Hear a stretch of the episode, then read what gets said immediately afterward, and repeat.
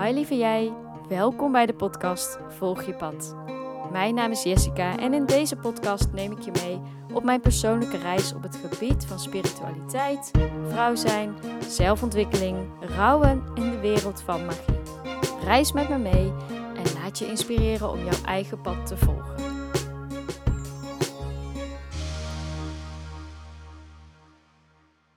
Wat doe je met een bepaald thema in je leven of vraagstuk wat steeds maar weer terugkomt en jou niet verder helpt?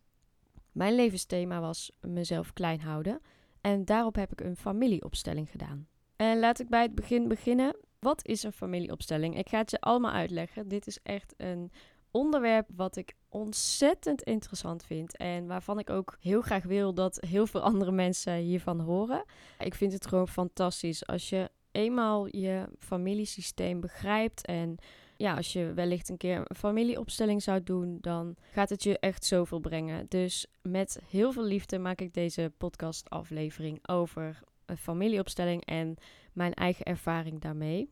Oké, ik ga even beginnen bij wat is nu een familieopstelling? Een familieopstelling dat is een sessie waarbij een therapeut aanwezig is die dat begeleidt. En uh, mensen kunnen dan hun thema of vraagstuk inbrengen. En andere mensen zijn dan representant. En zij zijn dan representant voor andere familieleden uit het familiesysteem van de vraagsteller. En zij uh, stappen dan ook echt in die energie van die persoon. Hoeft trouwens niet per se altijd een familielid of een persoon te zijn. Het kunnen ook andere dingen zijn, zoals het lot, of het leven, of geld, of schuld. Ja, dat soort dingen. En die representanten die bewegen dan door de ruimte. En dat is allemaal heel intuïtief. De begeleider die begeleidt de vraagsteller en de representanten, ja, die doen eigenlijk gewoon wat, wat je ingegeven wordt. En hoe dat dan allemaal werkt, ja, dat is echt heel magisch eigenlijk. Ja, dat kan ik ook niet uitleggen of zo. En je moet het echt meemaken om te begrijpen hoe, ja, hoe dat zit of hoe dat voelt. Een familieopstelling hoef je niet altijd te doen met andere mensen. Ik heb dat wel gedaan, maar het hoeft niet. Het kan ook met bijvoorbeeld kleine uh, houten poppetjes die dan representant staan, of steentjes of andere voorwerpen. En dat noem je dan een tafelopstelling, want die opstelling doe je dan gewoon op een tafel en daarin bewegen die uh, poppetjes. Maar die poppetjes kunnen natuurlijk niet zelf bewegen, dus die, dan is de begeleider die dan die poppetjes beweegt. En op die manier kun je ook inzicht krijgen. Naast het familiesysteem heb je ook nog andere systemen, bijvoorbeeld het systeem van een organisatie. Dus daar, daarin zou je ook een opstelling kunnen doen. Dus van je organisatie, alle leden die bijvoorbeeld bij een bedrijf werken. Mensen nemen natuurlijk hun eigen ervaringen en eigen geschiedenis, hun eigen systeem, dus mee in een organisatiesysteem. Dus dat heeft ook allemaal weer invloed op elkaar. Maar om het even makkelijker te houden, ga ik het alleen even over het familiesysteem hebben. Wie er allemaal bij je familiesysteem horen, dat zijn uh, je biologische ouders, al je voorouders, je broers, zussen, iedereen, eh, levend en dood, dat maakt niet uit. Maar ook bijvoorbeeld um, partners van, of de ex-partners zelfs van. En niet alleen personen horen bij het familiesysteem, maar ook bepaalde thema's zoals daderschap, slachtofferschap, uh, je land van herkomst, bepaalde geheimen of gebeurtenissen uit een familie waarover bijvoorbeeld ook niet gesproken wordt. Die hebben allemaal invloed op jou en op jouw familiesysteem. Zo, dat was even een beknopte samenvatting van mij. Mocht je nu nog meer willen weten over familieopstellingen, dan kan ik je de boeken en artikelen van Els van Stijn van harte aanbevelen. Zij is ook te gast geweest in enkele podcasts. Die kun je ook luisteren, ook een aanrader. Ik zal er hieronder wel even één linken. Het is nu drie kwart jaar geleden dat ik mijn eigen familieopstelling uh, heb gedaan. En ik heb daar het een en ander van opgeschreven in mijn dagboek. En ja, ik wil heel graag mijn ervaring met jullie delen. Ik begin even met het moment vlak voordat ik de opstelling ging doen. Ik heb de opstelling bij Simone Rijer gedaan. En ik kan haar echt super erg aanbevelen. En ik voelde aan mezelf dat ik het best wel spannend vond. Ik voelde me wel licht zenuwachtig. Ik had er ook wel zin in. En wat ik daarover in mijn dagboek schreef is... Ik voel dat het gaat brengen wat het mag brengen en ik heb er vertrouwen in. Ik geef me over en laat het over me heen komen. Mij werd de vraag gesteld waar ik tegenaan loop en wat mijn vraag zal zijn als uitgangspunt voor de opstelling. Waar ik mijn hele leven, of eigenlijk vanaf dat presteren een ding werd, tegenaan is dat ik het moeilijk vind om ervoor te gaan op het gebied van studie en werk. En als het dan goed gaat, dan stop ik ermee, alsof ik niet groots durf te zijn. Ik vind het lastig om mijn ruimte in te nemen, om er te mogen zijn. Daar heb ik last van, omdat mijn plannen op gebied van carrière nooit lijken te slagen, waardoor ik me nooit vervuld en van betekenis voel. Daar zou ik inzicht in willen. Dus met die vraag ging ik naar Limburg toe met het OV. Ik stapte uit de trein en het was een klein stukje lopen naar de plek waar het was. En het was echt een hele mooie omgeving. Ik zag daar een heel groot gebouw staan. Het was een oude kazerne. En in die oude kazerne waren heel veel uh, ondernemers. Er waren heel veel praktijkruimtes, uh, yoga studio en dat soort dingen. En ik mocht helemaal naar de bovenste verdieping. En eenmaal daar aangekomen kwam ik in een hele grote yoga studio. En de sfeer was allereerst al heel erg fijn. Ik werd verwelkomd door twee mensen die bij de opstelling assisteerden. En langzaam kwamen er steeds meer mensen binnendruppelen. Het was een groep van ongeveer tien mensen, denk ik. En het waren allemaal vrouwen. Een van de assistenten was man. Dus er was wel één man bij, maar de rest was allemaal uh, vrouw. En wat we eerst gingen doen is, nou ja, eerst even verzamelen, wachten tot iedereen er was. We kregen wat te drinken en e-, even een beetje kletsen met elkaar, kennis maken. En vervolgens zijn we naar de plek gegaan waar we de opstelling gingen doen. We zaten allemaal in een halve kring en we hadden allemaal een uh, yogamatje en een, een yogakussentje om op te zitten. En we begonnen eerst met een oefening waarbij we echt even konden aarden en in ons lichaam konden komen. Dat was heel erg fijn. En toen eenmaal gingen we dus echt beginnen met de opstelling. En de begeleider die vroeg, wie wil er als eerste? Voor één iemand klopt het om als eerste te gaan. En ik voelde al wel aan mezelf, ik, ik voelde heel veel emoties toen al. En ik voelde al aan mezelf van, nee, ik wil niet als eerste gaan, maar ik ga ook niet te lang wachten. Want er moet volgens mij gewoon heel veel uit. En anders dan loop ik daar uh, de hele middag mee. Dus uiteindelijk was het iemand anders die als eerste ging. En ik ga natuurlijk niks vertellen over de andere opstellingen. Maar in ieder geval, de eerste opstelling was bezig. En ik heb echt heel veel zitten huilen toen al. En nu ik er terug over nadenk, weet ik niet eens meer precies waarom. Maar ja, de emoties zaten gewoon ontzettend hoog. Dus het kwam er allemaal uit. Heel normaal trouwens. Echt iedereen was aan het huilen. Dus uh, ja, mocht je daar misschien zorgen over maken, niet doen. Want het is gewoon super normaal dat uh, emoties omhoog komen. En ook heel goed. Want dat uh, maakt het natuurlijk weer allemaal schoon. Nou, als tweede, toen zei ik dat ik wel wilde gaan. En toen werd ik uitgenodigd om naast de begeleider te gaan zitten. Zij zat ja, eigenlijk tegenover ons, zeg maar. Dus alle mensen die meededen zaten in een halve cirkel. En zij zat dan uh, zij keek ons aan, dus zij zat uh, aan de overkant. En ik ging naast haar zitten. En ze vroeg eerst dan natuurlijk wat mijn thema was of wat mijn vraag was. Dus dat vertelde ik. En toen ging ze allerlei feiten vragen. Dus um, feiten vragen over mijn familie.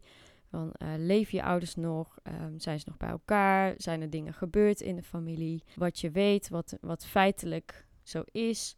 Nou, toen heb ik um, verteld dat onder andere dat mijn moeder heel veel miskramen heeft gehad voor mij.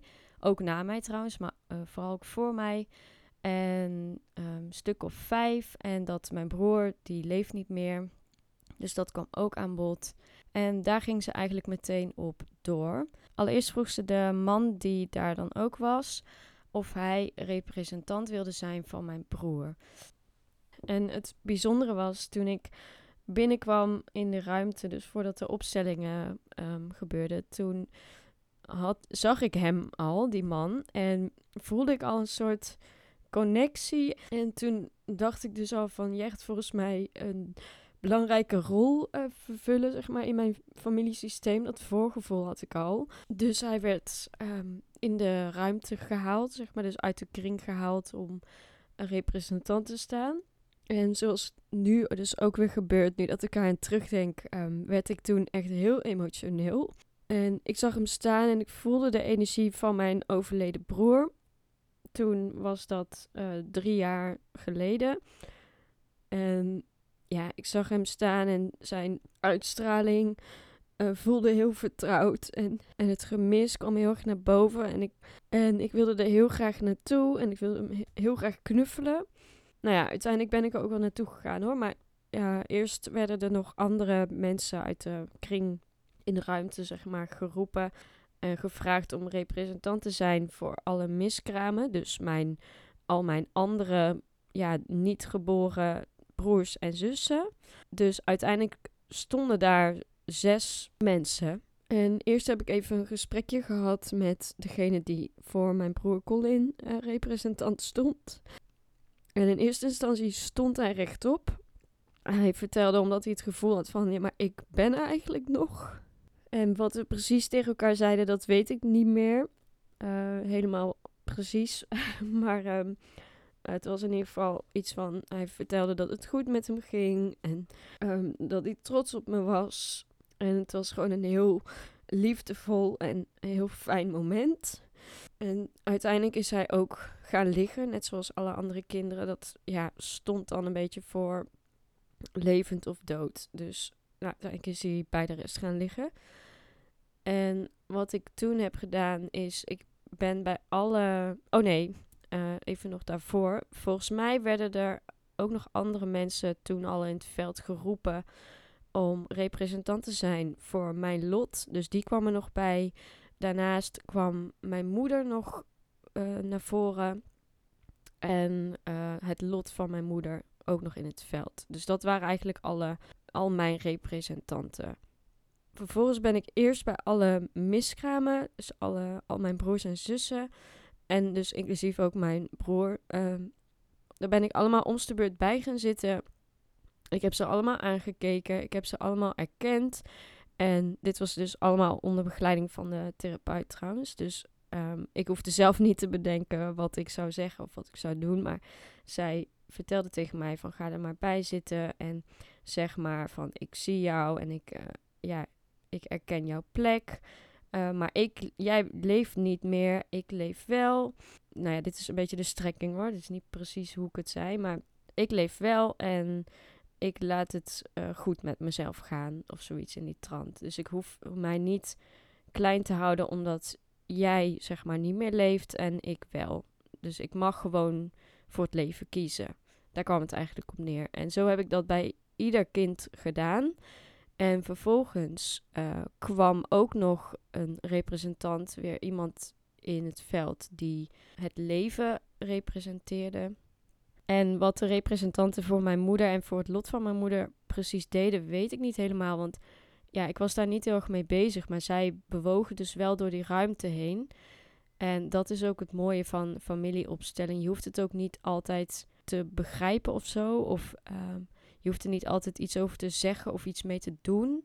Maar doordat zij ook al bewegen door die ruimte heen, verandert er ook al iets in je systeem. Gewoon onbewust. Um, dus zij deden een beetje hun eigen ding. En mijn eigen lot, die was er dus ook. En uh, die was in het begin heel uh, ja, bang volgens mij. En uh, ze zat helemaal verder weg. Helemaal ver weg in een hoekje. En uiteindelijk kwam zij ook dichterbij. En toen werd mij gevraagd of ik over uh, alle uh, mijn broers en zussen over hen heen wilde stappen. Dus dat heb ik toen heel bewust gedaan. Dus over hen heen gestapt. En ik liep dus naar het leven toe. Dus degene die representant stond voor het leven, voor mijn leven, die, die stond uh, toevallig ook voor een raam. het was ook wel heel mooi. En het uh, zonlicht scheen ook super mooi achter haar door naar mij toe. Dus ik had echt het gevoel dat ik naar het leven liep, dus echt naar het licht liep. Dus ik stapte over al die broers en zussen heen, ons de beurt, heel bewust. En vervolgens kwam mijn lot ook dichterbij. Die heb ik toen ook aangekeken. Daar heb ik ook nog iets mee gedaan om mijn lot te zien en te accepteren. Uiteindelijk ben ik hand in hand met mijn lot uh, verder gaan lopen richting het leven. Om het leven aan te kijken. En toen keek ik naar links en toen zag ik daar de representant van mijn moeder staan. En zij keek heel, um, ja, heel trots en heel liefdevol en heel uh, supportive, zeg maar. En uh, het was echt heel fijn en heel liefdevol, heel warm. En toen werd mij gevraagd of ik achterom wilde kijken. Dus ik keek achterom en daar zag ik dus al mijn broers en zussen op de grond achter mij. En zij, net als mijn moeder, zij keken ook heel trots en heel ja, aanmoedigend. En echt zo'n uh, ja, grote broers en zussen um, groep achter mij. Die me echt ja, gewoon een steun in de rug waren. En die mij heel erg, ja, die ook heel erg bevestigend keken van, doe maar, loop maar naar je leven. En met ons gaat het goed en jij mag door, weet je wel. En dat was echt een super mooi, magisch moment. En daar denk ik ook nog wel eens aan. En met name als ik me wat onzeker voel of uh, ja, ik weet niet. Ik, ik heb even een duwtje in de rug nodig, dan denk ik daaraan. En dan voel ik ook weer die energie en echt, ja, die steun heel erg. Nou, en uiteindelijk, nadat ik achterom had gekeken, mocht ik weer doorlopen. Dus ben ik naar het leven gelopen. En dat was eigenlijk wel het einde van de opstelling. Nou, die hele opstelling heeft me heel wat tranen gekost. En de opdracht die ik daarna kreeg van de therapeut was dat ik echt voor mijn leven mag kiezen en dat ik mijn leven volledig mag leven. Dat ik me niet kleiner hoef te maken omdat mijn broers en zussen niet meer leven. En dat ik dat nog mag bekrachtigen door een altaartje te maken om mijn broers en zussen ook te eren. Dus dat heb ik ook gedaan van, uh, van hout en uh, ja, een klein um, soort van bakje die ik aan de muur heb gehangen. Die heb ik ook beschilderd. En ik heb daarvoor een aantal uh, edelstenen gekocht. En elke edelsteen representeert dan één broer of zus. En die staan dan daar in het bakje, zeg maar. Die, uh, die hangt in de woonkamer. Dus daar kijk ik dan naar. En dan, en dan voel ik weer die steun. En dan denk ik aan hun. En dan aan eer ik ze ook echt. Dus dat, uh, dat is wel heel mooi. En verder die dag ben ik ook nog representant geweest voor andere opstellingen. En het viel mij op dat ik heel vaak, of eigenlijk altijd representant stond voor een kind. En ik had er later over met iemand en die zei van ja, dat zegt ook wel weer wat over jou, dus ook wel weer interessant. Verder hebben we die dag heel erg goed afgesloten. Ik was echt ontzettend moe daarna, want ja, er kwamen gewoon heel veel emoties omhoog. En eigenlijk bij iedere opstelling van anderen ook weer kwamen er bij mij ook weer emoties omhoog. Dus het was gewoon een hele dag heel veel, heel emotioneel. En dat is gewoon vermoeiend.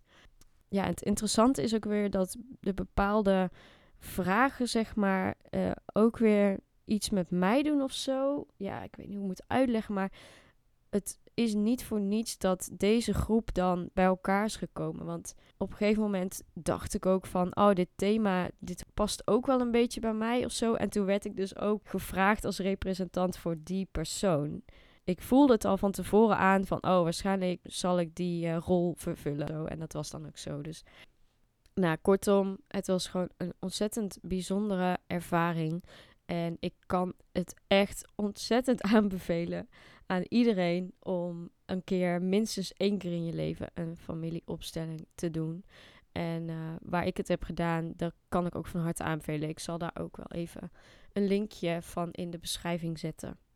Dan mocht je nog vragen hebben over deze aflevering of je wil daar iets over kwijt, voel je vrij om mij een berichtje te sturen. Dat kan op Instagram of stuur me even een mailtje naar hallo@jessicabretterton.com. Alle gegevens staan ook hieronder. Dan wil ik je heel erg bedanken voor het luisteren naar deze podcast en ik hoop dat je er wat aan hebt gehad. Tot de volgende. Doei!